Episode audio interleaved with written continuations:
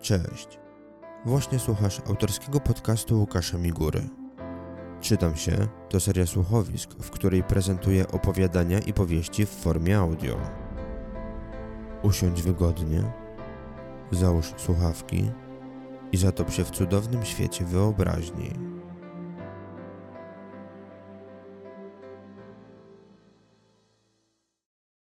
Odcinek siódmy. Łukasz Migura, Duchy przeszłości.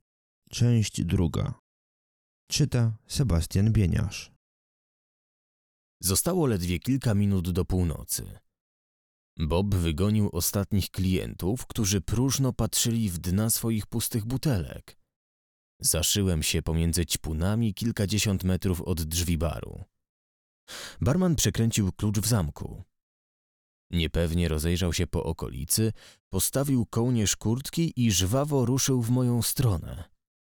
Nasunąłem na twarz kapelusz, choć wiedziałem, że nikt nawet nie patrzył w kierunku grupy ćpunów, czających się w tym miejscu. Oni zresztą też nie zauważyli już nikogo. Mogłem wtopić się pomiędzy nich, a żaden nawet się nie odezwał. Nanity krążące w ich krwi, łącząc się z siecią nierozerwalnym połączeniem, zmieniały przepływ impulsów w mózgach, na zawsze odbierając im świadomość, zmieniając w ich puste naczynia.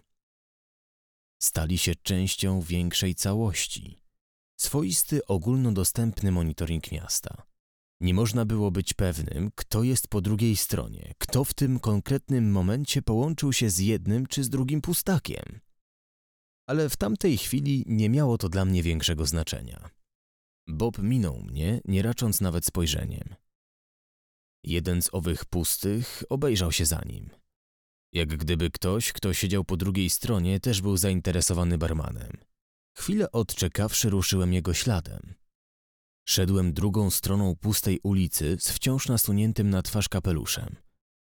Przeszedłem przez zaniedbany rynek. Na moment nawet straciłem Boba z oczu, ale kiedy skręciłem w lewo, wzdłuż alei prowadzącej wprost pod miejsce, w którym kilkanaście lat wcześniej stał spodek, zobaczyłem jak Bob zmierza na wschód, stronę studenckiego osiedla. Przyczaiłem się za rogiem sypiącego się hotelu Europa. Zapaliłem papierosa. Bob szedł w stronę bloków, które wciąż trwały za Wydziałem Fizyki. Mężczyzna obejrzał się kilkukrotnie i, nie zauważywszy nikogo, parł naprzód. Szedł niezmordowanie wzdłuż kampusu, aż za przeszklony gmach studenckiej biblioteki. Przeciąłem teren uniwersytetu w poprzek. Teraz mogłem iść bulwarem, obserwując, jak on zmierza w stronę gwiazd. Na osiedlu było kilka wieżowców. Jeśli wszedłby do któregoś z nich w tamtej chwili, kiedy stałem dobre kilkadziesiąt metrów dalej, raczej bym go nie znalazł. Ale on zatrzymał się dopiero przy przedostatnim budynku. Okrążył go i wszedł po schodach do ciemnej klatki schodowej. Miałem czas. Mogłem odczekać i dopiero po chwili ostrożnie uchylić aluminiowe drzwi. Modliłem się w duchu, by nie skrzypnęły. Na szczęście na dole nie było już nikogo. Stara winda z mozołem wspinała się na kolejne piętra, by zatrzymać się na ósmym. Zakląłem pod nosem. Wybrałem schody. Wspinałem się co róż łapiąc za metalową poręcz. Gdzieś w połowie siódmego piętra usłyszałem przytłumione głosy. Jesteś pewien, że nikt cię nie śledził? Zapytał mężczyzna o głosie szorstkim niczym żyletka, którą goliłem się od tygodnia. Brzmiał dokładnie, jak go sobie wyobrażałem. Fan wody i papierosów. Klatka zadrżała od tembru głosu mężczyzny, mimo że starał się mówić cicho. Dobrze, powiedział po chwili. Czego chcesz? Boba nie byłem w stanie zrozumieć, dlatego wspiąłem się wyżej.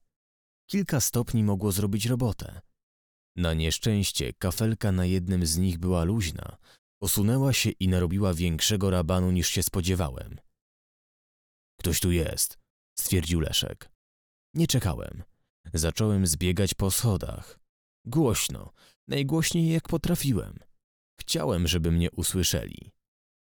Na pierwszym piętrze schowałem się w pomieszczeniu sanitarnym, w którym sprzątaczki trzymały swoje plastikowe kubły i miotły. Bob i jego towarzysz podążali za mną. Pokonywali po dwa, trzy stopnie, próbując mnie dopaść. Kiedy minęli kanciapę, odetchnąłem. Zbiegli na parter. Słyszałem, jak dobiegają do drzwi wyjściowych i wybiegają przed blok, na chodnik oświetlony migającą uliczną lampą. Stanąłem przy oknie. Mogłem przyjrzeć się mężczyźnie, z którym rozmawiał Bob. Wysoki, barczysty i łysy. Znałem Boba kilka lat. Nie sądziłem, że ktoś taki jak on może mieć tajemnicę. Znajomego, który przed kimś ucieka, który nie chce być znaleziony. Obaj rozejrzeli się po okolicy dość nerwowo. Leszek zaczął wymachiwać rękami, miał pretensje do barmana. Na powrót schowałem się w kanciapie. Zaraz potem wrócili do klatki. Cholera, przez ciebie znowu muszę zmienić miejsce. Nie rozumiesz, odparł Bob. Ktoś o ciebie pytał. Kto? Jakiś prywatny detektyw. Czasem wpada do mnie na kolejkę. Załatwisz nam spotkanie. Już ja się dowiem, czego on chce, stwierdził Leszek. Tylko niech nie będzie jak wtedy. Leszek zaśmiał się szyderczo. Postaram się.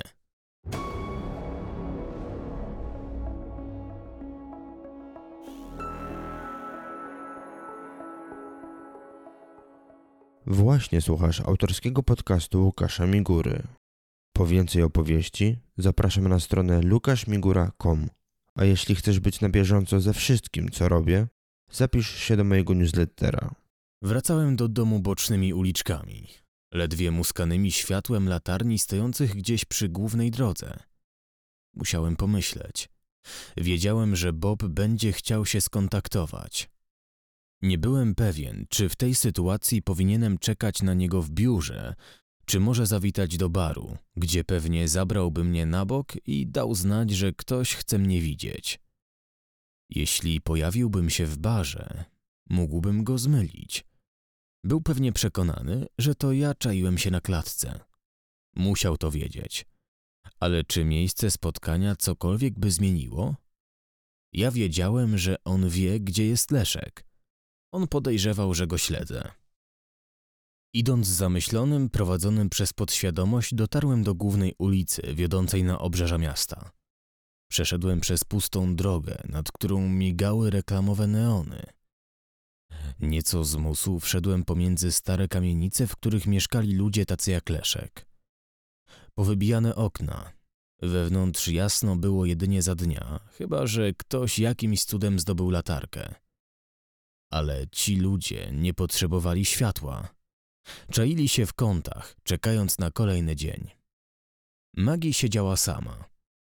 W takich chwilach żałowałem, że zgarnąłem ją ze schroniska. Była skazana na moją łaskę lub niełaskę, moją dobrą lub złą wolę.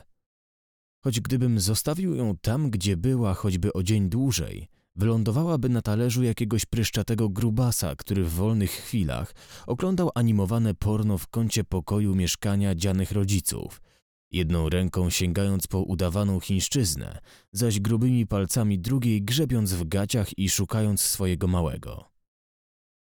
Kiedy dotarłem pod drzwi bloku, miałem ochotę już tylko na szklaneczkę czegoś mocniejszego i długi sen. Miałem to szczęście, że nie miewałem problemów z bezsennością. Wierzyłem, że to dzięki rozsądnemu podejściu do sieci. Kiedyś wydawało mi się, że nie mogą od niej uciec, że muszą tkwić z nosami w ekranach, które przecież mogli odsunąć. A po zmianie? Po tych kilku odkryciach, których podobno dokonano dla dobra ludzkości, wystarczyło sięgnąć ręką do portu w większości domów zamontowanych tuż przy łóżku. Włączyć zdalny protokół, żeby informacje przepływały swobodnie przez synapsy. Dziękowałem sobie i jakiemuś wyższemu bytowi, jeśli taki w ogóle istniał, że nie zdecydowałem się na podłączenie. Nadal łączyłem się z siecią w ograniczony sposób przy użyciu sprzętu znajdującego się poza moim organizmem. Mogłem być pewien, że nikt z zewnątrz nie pozna moich myśli bez mojej wiedzy, że nie będzie mnie śledził. Wszedłem do zatęchłego mieszkania. Megi jak zwykle skoczyła na mnie, liżąc po twarzy. Trudno było w tych czasach o takie oddanie. Złapałem za smycz, przypiąłem do jej obroży i wyszliśmy na zewnątrz, na deszcz, którego jeszcze przed chwilą nie było. Megi zniechęcona wyjrzała poza klatkę schodową. Zbiegła po schodach wiodących z sieni, nasikała na trawnik i chciała wracać. Widać, jej też nie uśmiechało się moknąć.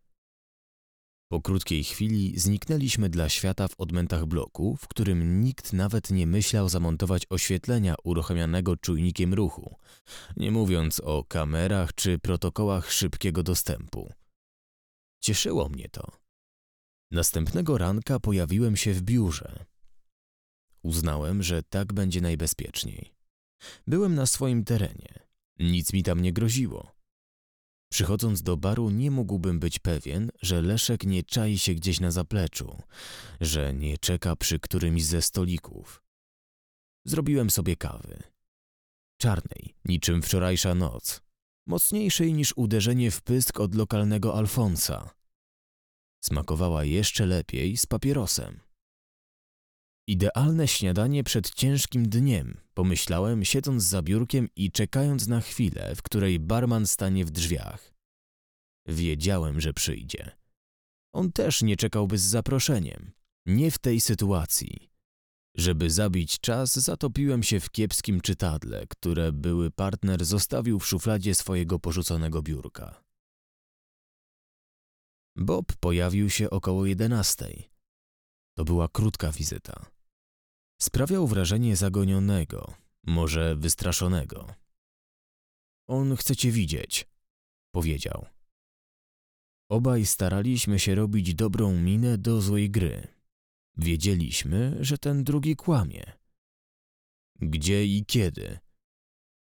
Bob podał mi kartkę z adresem.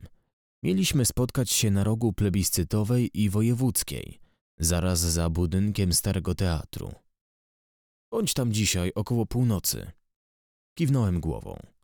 Bob zaś, nie raczywszy nawet się pożegnać, wyszedł. Miałem ledwie kilkanaście godzin. W głowie migdała mi myśl, żeby skontaktować się z pośrednikiem klientki. To byłoby rozsądne. Wiedziałem, gdzie i kiedy pojawi się Leszek. Łatwe pieniądze. Ale chciałem dać mu szansę. Leszkowi znaczy się. W tamtej chwili nie wiedziałem, kim jest moja mocodawczyni i dlaczego szuka byłego bramkarza podrzędnej speluny. Nie chciałem marnować więcej czasu za biurkiem. Na moje nieszczęście, kiedy sięgałem po płaszcz z zamiarem szybkiego opuszczenia biura, do drzwi zapukał niski, kędzierzawy, śmieszny człowieczek. Towarzyszyła mu kobieta. Dość przystojna brunetka w skromnej sukience i z mocnym makijażem.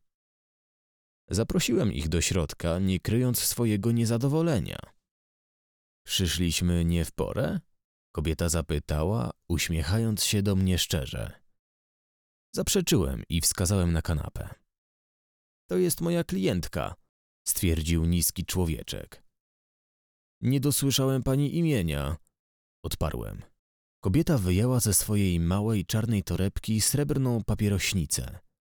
Włożyła szluga w usta, sięgnęła po zapalniczkę i zapaliła. Zaciągnęła się, przeciągając odpowiedź. Bo go panu nie podałam i nie sądzę, żeby to było konieczne. Pracuję nieco inaczej, stwierdziłem. Chciałbym wiedzieć, komu pomagam. Lubię też poznać sprawę, w jaką zostaje wplątany. Brunetka przyjrzała mi się badawczo. Mamy wspólną historię. Wystawił mnie kilka lat temu. Przez niego zostałam sama z dużym problemem. Ciężko było mi ocenić, czy mówi prawdę. Zresztą nie powiedziała właściwie nic. Ma pan jakieś nowiny? zapytała, nonszalancko zakładając nogę na nogę.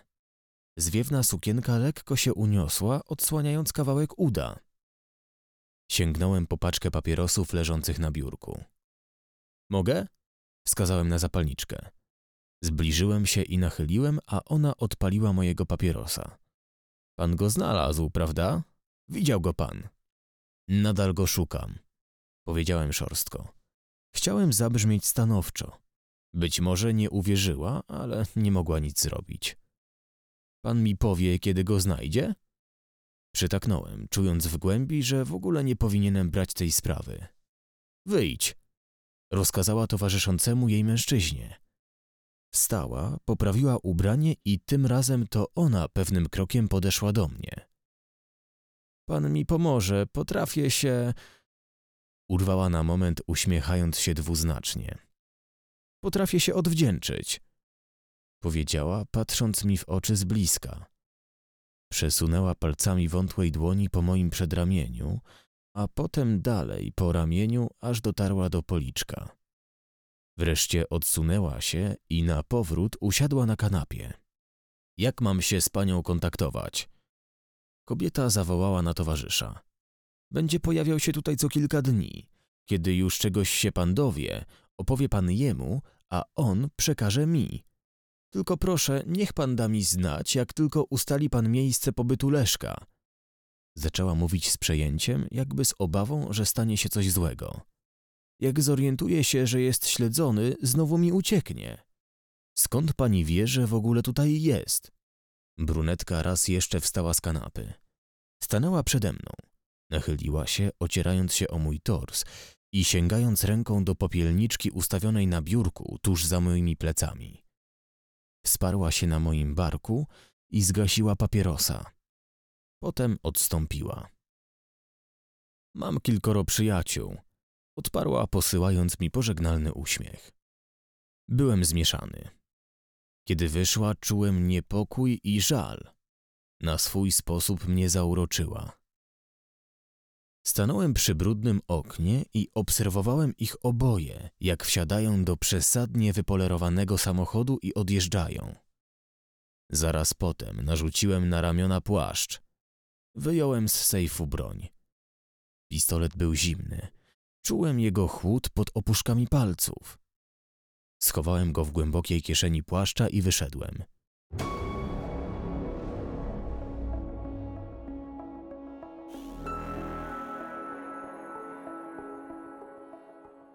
Właśnie słuchasz autorskiego podcastu Łukasza Migury. Po więcej opowieści zapraszam na stronę lukaszmigura.com. A jeśli chcesz być na bieżąco ze wszystkim, co robię, zapisz się do mojego newslettera. Podążałem miejskimi chodnikami na południe w kierunku najbliższego parku. Znajdujące się ponad moją głową hologramy informowały o konieczności podpięcia się do sieci. Nie były w stanie przeanalizować moich preferencji, nie mogły wyświetlić odpowiednich reklam. Kiedy znalazłem się poza centrum, poczułem spokój. Dotarłem na most biegnący ponad kilkupasmową drogą. Autonomiczne, elektryczne samochody przesuwały się w jedną i drugą stronę w równych odstępach. Ludzie siedzieli w nich jak dawniej w autobusach i tramwajach, oddając się rozrywce. Nie wiedziałem, jak można w takim stopniu zawierzyć swoje życie technologii. Przeszedłem na drugą stronę i stanąłem na wybetonowanym pałacu tuż przed bramą parku. Dawniej dookoła fontanny, znajdującej się w centralnej części, stało kilka ławek. Jednak nic już z nich nie zostało. Sam park zarastał od kilkunastu lat. Wyznaczone niegdyś ścieżki pokrywały się zielonym płaszczem. Natura zapomniała o sztucznych podziałach narzuconych przez człowieka. Odebrała co jej, wdzierając się w głąb chodników oddzielonych od połaci mchu równo ułożoną kostką brukową. Napawając się zimnym wiatrem, chłostającym moją coraz bledszą twarz, moich uszu dobiegły odgłosy klaksonów. Wróciłem przed wejście do parku, a potem dalej, na most, by zobaczyć, co się stało. Przy lichej barierce stało już kilka osób. Jakiś młody chłopak skoczył na autostradę biegnącą poniżej. Kilka autonomicznych wozów przejechało po jego ciele. Potem ktoś oznaczył miejsce wypadku i trzy kolumny sunących miarowo wozów zmieniły się w dwie. Do momentu nadjechania karetki pas, na którym leżało ciało, był pusty. Potem dwoje ratowników zabrało zwłoki na nosze. Zapakowali je do samochodu i odjechali, a system kierujący ruchem naniósł poprawki i na powrót zaplanował trójpasmową trajektorię dla poszczególnych wozów przesuwających się niczym po sznurku, komunikujących się z systemem i pomiędzy sobą. Dbając o utrzymanie odpowiednich odległości i prędkości, ten system po prostu nie mógł zawieść. Miałem dość ułożonego świata. Wszystko, co można było zostawić samemu sobie, człowiek zaplanował. Został już wyłącznie ten park, o którym większość zdążyła zapomnieć. Lub po prostu nie chciała pamiętać. Cieszyłem się, że nikt nie wpadł na pomysł, by postawić tam kolejny parking.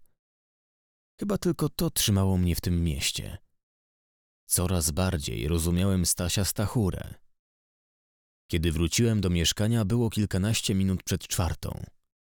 Chciałem zjeść coś na mieście, ale nie potrafiłem znaleźć otwartej knajpki. Mijali mnie ludzie na elektrycznych hulajnogach i rowerach, rozwożący jedzenie po przeszklonych biurowcach i domach o ekstrawaganckich kształtach. Wieczorem hulajnogi walały się na każdej ulicy. Ludzie zostawiali je w śmierdzących bramach, przy drzwiach domów czy na środkach obesranych przez psy alejek, bo tam było im wygodniej je zostawić. Dopiero późną nocą pojawiali się znużeni pracownicy korpo, którzy ustawiali sprzęt w rzędy, ułatwiając skorzystanie z niego następnego dnia.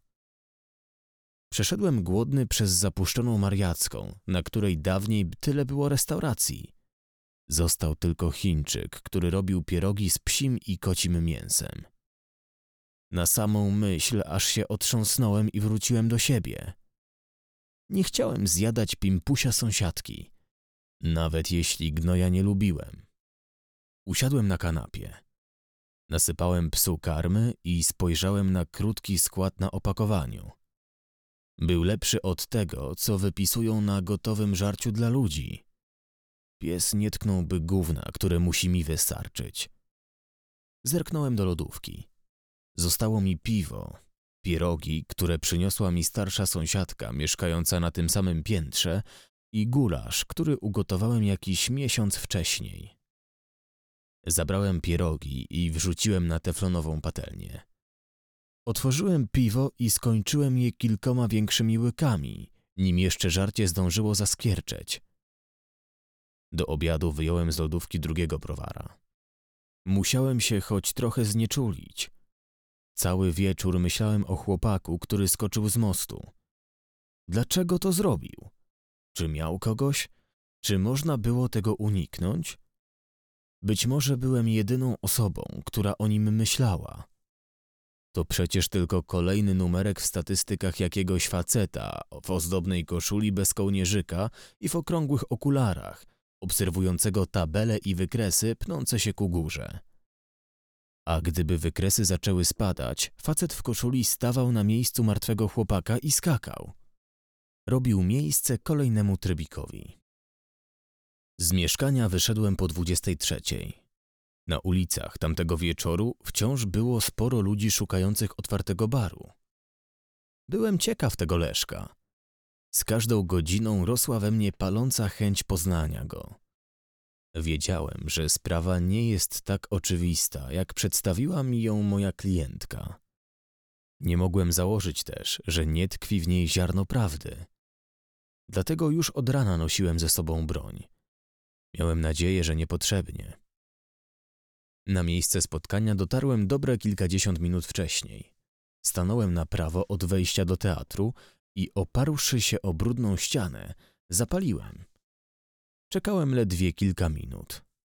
Jesteś wcześniej, powiedział Leszek monotonnie brzmiącym głosem. Tak. Dlaczego? Byłem ciekaw. Odparłem szczerze. Słyszałem, jak mężczyzna stojący za rogiem odpala swojego szluga i zaciąga się. Widziałeś się z nią? Zapytał bez ogródek, ale i bez jakiejś specjalnej pretensji w głosie. Mruknąłem twierdząco. Wiesz, kim ona jest? Kim? A co ci powiedziała? Leszek ciągnął dalej, nadal nie pokazując mi się. że macie wspólną historię. Leszek zaśmiał się. Mówiła coś jeszcze? Tak, żebym się z tobą nie spotykał. Mężczyzna wydał z siebie dźwięk. Pojedyncze prychnięcie będące zarazem wyrazem zrozumienia i oburzenia. Siedziała w więzieniu. Przeze mnie. Tego się nie spodziewałem. Wyczuł to w mojej postawie i obruszeniu, jakie wywołały jego słowa. Była członkiem podziemia. Próbowali obalić cały ten system. Leszek mówił dalej, jakby od niechcenia. Miałem wrażenie, że ta swoista spowiedź przynosi mu ulgę. Nie chciałeś jej pomóc? Leszek pstryknął peta. Widziałem, jak przelatuje ponad bądź co bądź szerokim chodnikiem i ląduje na ulicy. I już wtedy było mi to obojętne. Nie zależało mi na akceptacji kogokolwiek. Jak długo mogłem żyć po swojemu, tak długo system mi nie przeszkadzał. Rozumiałem go. Ty też tak żyjesz, dodał po chwili. Wydawało mi się, że poznał moje myśli. Nie tak jak wszystkie korporacje z wykorzystaniem technologii, włamując się do mojego umysłu w poszukiwaniu doświadczeń i upodobań. Zrobił to przy pomocy intuicji i obserwacji, za oręż mając jedynie zdolność logicznego myślenia. Śledziłeś mnie, bardziej stwierdziłem niż zapytałem. Tak, od tamtego spotkania w gwiazdach. Skąd wiedziałeś, gdzie mnie szukać? Powiedziała mi, że znajdę cię przez Boba. Do kurwiej nędzy, Leszek rzekł sucho, ale wbrew pozorom bez większych emocji. Spojrzałem pytająco w jego kierunku.